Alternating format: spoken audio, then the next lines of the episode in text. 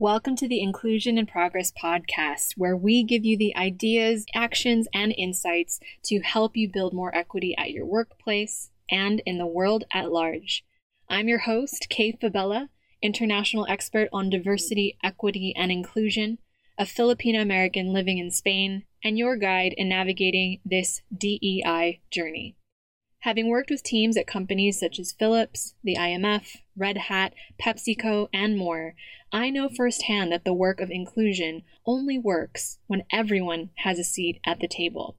Regardless of your personal entry point into this conversation, your race, ethnicity, gender, ability, age, sexual orientation, country of origin, or educational background, we all have a role to play in creating inclusion for all. And it starts with us having conversations we need to create the change we wish to see. So let's dive into today's episode.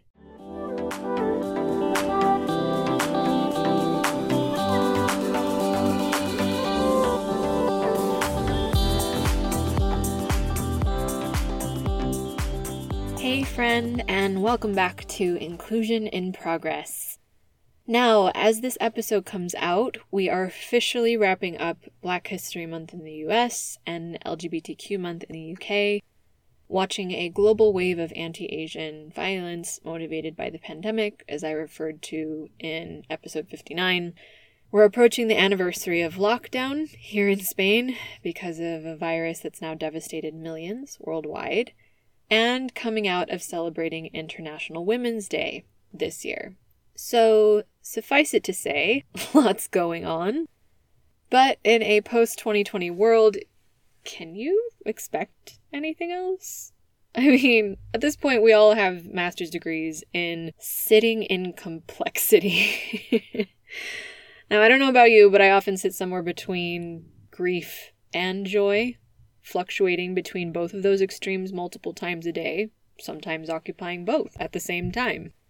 But given that this episode is first and foremost coming out during Women's History Month, while we're witnessing a backslide in gender equity with millions of women leaving or considering leaving the workforce due to pandemic related pressures, here is my hope. This month, when companies say we celebrate women, it's backed up by legal and structural changes to support primary caregivers so that women aren't overburdened rearing children or taking care of elders at home. My hope is that when brands say we celebrate women, they include LGBTQ, disabled, neurodivergent, immigrant, multiracial, and other historically excluded populations into their product designs and ad campaigns. My hope is that when managers say we celebrate women, they don't just interact with, praise, and think about promoting people who look or love or live like they do. And my hope is that when white women say we celebrate women, they hold space for the duality of feeling underrepresented in leadership while acknowledging their privileged position to advocate for women of color. This past year has taught us that while we are all in one storm, we are most definitely not in the same boat. So, my genuine hope is that we all embrace a yes and approach to gender equity and gender identity, acknowledge our intersections of experiences with bias and privilege, and work to raise the tide for all women. As civil rights hero Fannie Lou Hamer said, nobody's free until everybody's free. And it's this sentiment of intersectionality that I'm highlighting in my speaking engagements and workshops this year in honor of International Women's Day. Although we're fully booked for Women's Month events this year, please don't hesitate to get in touch if you'd like to hire a dynamic workshop facilitator or speaker for your ERG or corporate DEI events. As one of my clients, Stacy, from a Fortune 100 company, said, our experience working with Kay to facilitate two workshops on male allyship and gender equity was one we'd be happy to repeat. Kay was highly proactive and insightful with her suggestions on how to meet our objectives, and she didn't stop at what we asked for. She helped us go even further by offering alternative strategic tactics. Her professionalism and preparedness was top notch, and the content of the workshop was not only highly relevant, but also expertly sourced. Kay's fun and lighthearted personality opens the audience's heart to difficult topics and facilitates understanding and ownership. Or take, for example, what my client Jamie, who runs a women's ERG for a major tech organization, shared. I wanted to express gratitude on behalf of our women's ERG and our company for your partnership today. Your content provided the perfect foundational knowledge for our attendees and even introduced them to new DEI concepts and terminology. You weaved in topics beyond just gender so gracefully, which is exactly what we were hoping for. We can't thank you enough for the preparation required to customize the workshop, for your delivery of the content, engagement with the audience, and for your general support of our ERG. So, again, if you're looking for a bespoke speaking or workshop engagement on intersectionality for your company, please head to kayfabella.com or get in touch with us at the link in the show notes to book your no pressure consultation call. Like all of our client partnerships, my team and I tailor every solution to where your organization is on the DEI journey because no two companies have the same challenges with diversity, equity, and inclusion.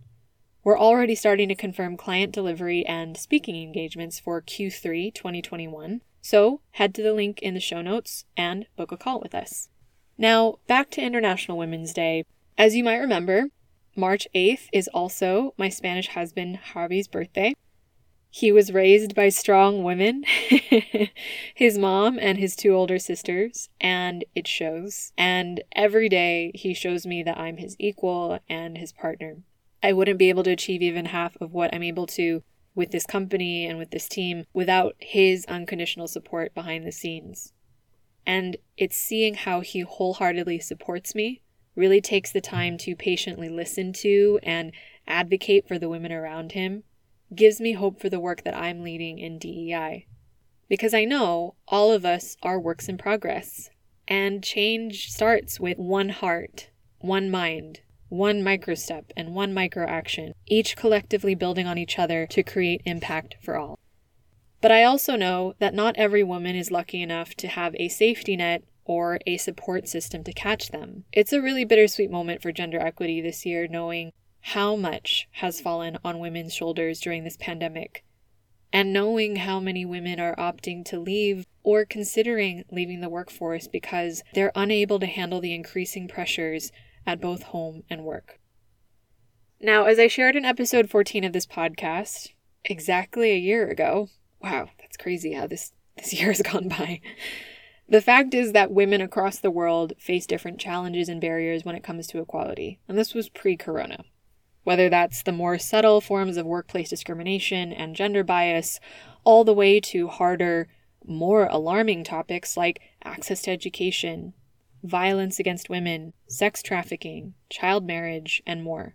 Those different challenges have been exacerbated because of this pandemic. Which is why when we talk about gender equity at work, we have to be mindful that we are really including all women in our systems, in our structures, and in our interventions.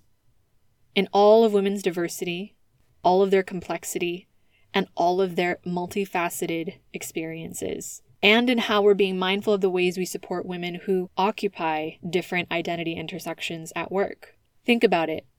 If you are pitting your employee resource groups or ERGs in a battle against one another for attention on the DEI calendar of events, imagine what it feels like for, say, a queer woman who's watching her women's ERG and an LGBTQ or Pride ERG fighting for visibility and relevance within her company.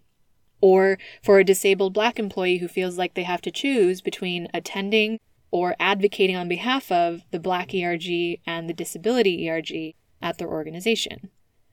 The work to create a more equitable workplace for everyone is not a zero sum game. In fact, it never has been. So when you're considering gender equity initiatives during Women's Month, remember that you're advocating for disabled women, BIPOC or BAME women, neurodivergent women, Jewish women, Muslim women, veteran women, queer women, trans women, and the women that are intersections of all of the above. You're not just celebrating when one able bodied cisgender white woman is elevated to the C suite of your organization and touting it as having fulfilled your DEI goals. So, as companies committed to leading diversity, equity, and inclusion, our gender equity initiatives have to stop seeing women as one large monolith and only creating resources that support a very small privileged few within that group. Yes, we have to consider making it easier for women to return to work after taking off or maternity leave, to support them through menopause, to commit to gender pay equity, and aim for equal gender representation at work. And we have to redesign our gender equity plans for a post 2020 world, one where we're actively supporting and making space for women's intersecting identities, their experiences with oppression, bias, and privilege, both in and outside of the workplace. Doing so can make all the difference in whether or not the women you say you're supporting actually stay at your company. So, if you're worried about whether or not your gender equity plan is actually helping all women, let's walk through three hypothetical scenarios to see where you could create greater inclusion for them and for all women in your organization. Now, let's start with a hypothetical woman named Anna.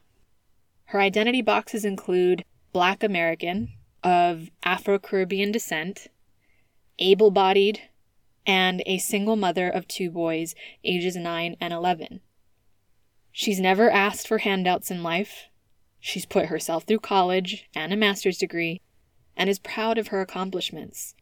She doesn't ask her parents and siblings for any sort of financial help and often ends up putting aside money to help take care of her family members instead. Anna often puts in extra hours at her job and immediately switches to mom mode, as she'd call it, as soon as she's off the clock. Since the pandemic started, she has to time her self care routine with her Zoom meetings to make sure her hair is presented according to what she knows her workplace deems quote unquote professional. And whenever Anna's boys go to play outside, she reminds them of the talk she gave them two years ago about how to behave around policemen to avoid becoming another statistic of wrongful death at the hands of law enforcement. The tension of code switching at work, motherhood, worrying about her two black boys, and being the sole provider of her family is sometimes too much to bear. But Anna can't even imagine therapy or taking a moment for her mental health because her upbringing taught her early that vulnerability was a sign of weakness in a society that rarely sees her as a full human being first. Are your gender equity initiatives helping women like Anna? Statistically, more than two thirds of all African American working mothers are single moms, making them the primary, if not sole, economic providers for their families. To put Anna's situation into perspective, 29.6% of white working mothers are single, and 47.9% of Hispanic or Latinx working mothers are single in the United States. And according to statistics, mothers like Anna experience a pay gap of 29% overall, earning an average of 71 cents for every dollar earned by a father, or an average of $16,000 less per year. This so called motherhood penalty is dramatically worse for single mothers at 35%. According to Pew Research, single moms with a household of three earn just $26,000 per year on average, compared with $40,000 per year for single dads. Now, economic policy has also unquestionably failed single working moms, who tend to work fewer hours in lower wage jobs and often lack necessarily family work supports like paid leave, health care, and retirement benefits, affordable high quality childcare, and more predictable work scheduling. Not only that, some of my clients with stories like Anna's share that whenever there's yet another incident of racial trauma in the US, all companies seem to know how to do is send yet another mass email to their black employees directing them to quote unquote mental health resources without addressing the root causes of why black women experience racial and gender based microaggressions in the workplace. So it's little wonder that performative attempts by organizations to support, quote, all women leave Anna behind, and eventually lead to her considering a career change or opting out of the workforce entirely. What can your gender equity plan do to work to retain women like Anna? First, invest in FFPs or family friendly policies. Now, FFPs can be classified into three main types time related, service related, and finance related policies. Time related policies include maternity or paternity or parental leave, breastfeeding breaks, flexible working hours, and any other special or childcare leave. Service related policies can include affordable, accessible, and quality childcare services, while finance related policies refer to those that provide cash benefits or grants for the care of children or wage replacement.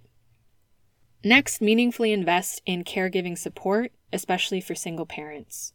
Extended family leave policies help to reduce the burden working women have to carry because women take on unpaid labor in their homes, ranging from housework to caregiving. Childcare is also one of the main reasons working women who have children leave or are pushed out of their jobs. It's not giving mothers like Anna a handout. It's lightening their load at home so they can continue to take care of their duties and those who depend on them at work. Finally, consider standardizing performance reviews to exacerbate biases and training managers to do the same. According to a Lean In report called Addressing Bias in Hiring and Promotion, racial and gender bias in performance evaluation often double count against black female professionals who should be rightfully promoted, meaning that black women are unfairly penalized for being ambitious because we expect women to be kind and communal. Women are often criticized as overly ambitious or out for themselves when they express a desire to lead. For black women, this ambition penalty can actually be compounded in some contexts by stereotypes that unfairly portray black women as quote unquote aggressive and angry. To counter this, provide ongoing bias training for evaluators instead of just relying on one off interventions. Make sure you're updating those materials regularly and establishing clear and specific review criteria so managers are less likely to rely on their subjective feelings. Now let's move on to another hypothetical situation with, let's call them Bahi.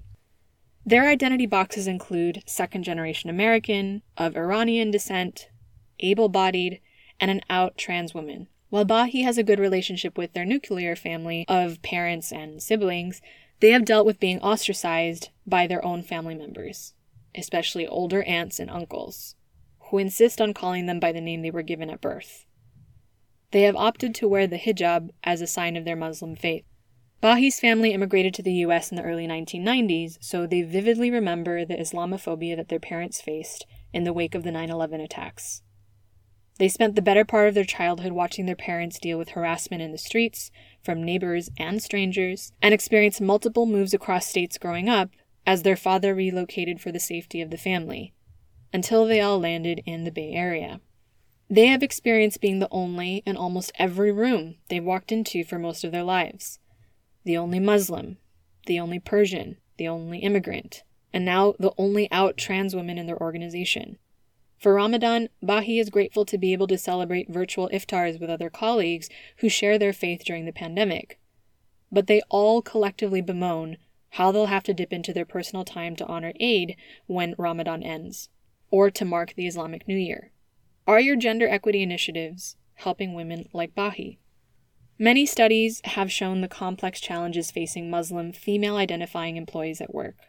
The results show that these women continue to face a myriad of challenges in the workplace, and that a unilateral focus on gender does not sufficiently explain the work related experiences of second generation Muslim women.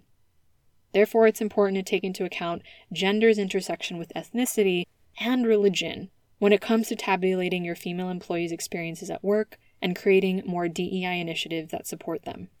And if you'd like to learn more about ways that we can support your female employees, whether it's through customizing a tailored solution or creating awareness around their specific causes at work, head to the link in the show notes or go to kayfabella, that's K A Y, F as in Frank, A, B as in boy, E L L A dot com.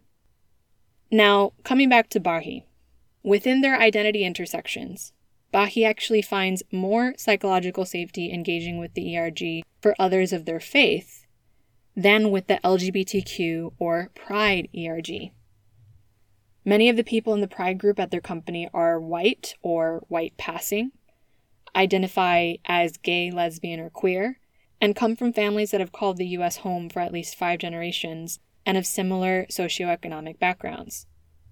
Plus, being the only out trans employee in the entire organization means that Bahi will often be singled out, even within the pride group, to speak on the experiences, traumas, and injustices against the entire trans community, which they are often still learning and understanding themselves.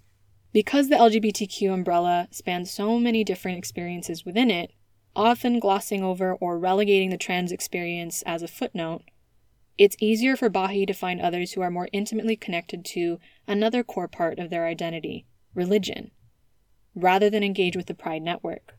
As someone who only recently decided to come out as a trans woman to their colleagues, Bahi does not want to be singled out for their story as they're still unpacking their own layers of trauma. Nor do they want to be touted in photos for all of the internal comms and marketing materials as a signal that DEI is quote unquote working at the organization. So it's little wonder that gender equity initiatives to support all women often leave Bahi wondering where they belong, and eventually may lead them to leaving their employer altogether and taking their talents, ideas, and unique perspectives elsewhere. Now, what can your gender equity plan do to work to retain women like Bahi? First, expand holidays or paid time off to not just follow a Judeo Christian calendar, but be inclusive of other faiths as well. It still boggles my mind that during Ramadan, many Muslim employees are still engaging in full workloads while being expected to perform at their best during peak fasting hours. Next, create intersectional ERGs at your organization to prevent the erasure or evasion of individual intersectional experiences. As my colleague Dr. Jonathan Ashong-Lamptey says, resource groups tend to be organized around a single value, identity, or interests, such as gender, ability, age, and so on. Even though resource groups are intended to promote inclusion, they can, under particular circumstances, serve to erase narratives from the discourse within an organization. And I couldn't agree more with Jonathan. An easy way to create intersectionality and avoid the silo problem of ERGs is creating groups based around, say, culture, ethnicity, or different faiths. Doing so means that these groups are less likely to confine themselves to only one access point for employees who look, love, or live a certain way. A great example of this would be Bank of America's intergenerational ERG, iGen, which has grown from 10,000 to more than 21,000 members in the past two years. By increasing membership, B of A is educating their workforce on generational differences and similarities, all while improving workplace relations, enhancing client engagement, and improving overall satisfaction at the company. During this pandemic, we witnessed how ERGs really stepped up to the plate to collaborate and cross pollinate to share resources and provide education across different employee experiences. So, resource groups should continue to align under a clear purpose of creating more inclusion for all at work and actively seek opportunities to collaborate with other groups within and between organizations. Doing so helps create spaces for individual intersectional experiences like those of Bahi, instead of forcing employees to have to choose. Last but not least, look at expanding your employee health benefits plan to include meaningful mental health resources not just a list of links every time a community is directly affected in the news. Think of all the layers of trauma that someone like Bahi would have to process Islamophobia, transphobia, identity displacement as a second generation American navigating two or more cultures. The layers of strength that have allowed them to still find ways to function and find a career path they enjoy are not immutable for Bahi to continue contributing to your company without burning out while facing stigma, discrimination, and unprocessed trauma both within and outside of work, their feeling of inclusion depends on feeling like their employer values them as a whole human being. And investing in making mental health more accessible to employees like Bahi, who are often the strongest ones that their team members lean on for guidance, will only engender goodwill towards your organization. Finally, let's look at one last hypothetical scenario for Carlota. Her identity boxes include first generation American, immigrant of Panamanian and El Salvadorian descent, disabled queer woman. Carlota is currently estranged from her parents because her sexual identity goes, according to them, directly against their Catholic faith, and as such was rendered homeless at age 17 when she first came out to them. She lives with her partner, Laura, a white American woman, and their two dogs, and was fortunate to have found a surrogate family in Laura's parents and siblings, who are supportive of the relationship. As a native Spanish speaker who immigrated to the US in her early teens, Carlota often finds herself struggling to find words quickly in English, as her brain processes information through two layers of translation while speaking, listening, or reading. Though she's now bilingual, it's for this reason that Carlota always requests that Laura accompany her to medical appointments. Carlota also learned to mistrust the American healthcare system early on when she went to a male doctor at age 19 to ask for birth control, and was lectured on the importance of waiting until marriage and asked repeatedly where her parents were. Carlota is happy that she's found an employment opportunity with a company that saw her talent and not her disability first. Despite her impressive academic background and career experience, because she was legally required to disclose her disability on job applications, most organizations wouldn't even give her an interview. This means that Carlota is finally able to pay off the student loan debt that she's accumulated from putting herself through college largely on her own. Now, what can your gender equity plan do to work to retain women like Carlota? Statistically, members of the LGBTQ community have reported experiencing stigma and discrimination when accessing health services, leading some individuals to delay necessary health care or forego it altogether. Individuals like Carlota may have less social support than their heterosexual peers and colleagues, particularly if they live in a region without a large LGBTQ population. Or if they've experienced rejection from their family of origin, as was the case with Carlota. Not only that, but the fear of homophobia, exclusion, being passed over for promotions and job interviews is still very real for many members of the LGBTQ community. Having a disability, as well as being a non native speaker, compounds the exclusion effects for folks like Carlota a hundredfold. Now, what can your gender equity plan do to work to retain women like Carlota? First, prioritize an environment of psychological safety at work. It's important to create a workplace environment where individuals feel free to come out without fearing judgment, or worse, adverse treatment by the organization, such as delayed or denied promotions. Creating psychological safety includes behavioral interventions to encourage inclusive leadership and communication among employees, as well as structural changes to your organization to encourage a culture of more transparency. Next, look at creating communication channels for multiple languages. Whether it's your internal comms, employee intranet portal, or simply encouraging managers to either send agendas before meetings or notes after meetings, giving multilingual employees a way to communicate and process information effectively is also an important indicator of inclusion, especially as our demographics shift and our workforces come from more cultural backgrounds than ever before. Lastly, design for accessibility. Disabled people are already facing employment discrimination in being legally required to disclose their disabilities, even on job applications. This discrimination, compounded by discrimination based on sexual orientation, gender identity, racial and ethnic discrimination, and more, means that folks like Carlota, who sit at all of these different intersections, may struggle to find and keep jobs and even to access support services that are vital for their health. Being intentional about creating physical structures that are designed with disabilities in mind, such as investing in adjustable desks, ramps for wheelchairs, and more, ensure that folks living with disabilities don't feel like they constantly have to adapt to their environment instead of the other way around. So there you have it, bit of a different episode this time around with three hypothetical scenarios with our women Anna, Bahi, and Carlota to illustrate why your gender equity plan needs to be more thoughtfully designed to truly help all women at work, to retain them in your organization, and tap into their full talent and potential. If you can't tell already, I have a personal and professional vested interest in seeing your company create more inclusion at work. I know these conversations are challenging, but they're not impossible. I know that the only way to set the foundation for inclusion in your company culture, sustain your company's capacity for innovation, and strategize for retaining today and tomorrow's top talent depends on you partnering with the right people to help you do this work. Now, the complexity of this work with diversity, equity, and inclusion shouldn't overwhelm you. If anything, it should invigorate you. I'm just as passionate about seeing the communities that I identify with succeed as I am about seeing everyone at work feel seen, valued, welcomed, and heard across all of their different identity dimensions. I'm deeply committed to helping you broaden your view, uncover your blind spots, and strengthen your strategy for greater inclusion at work.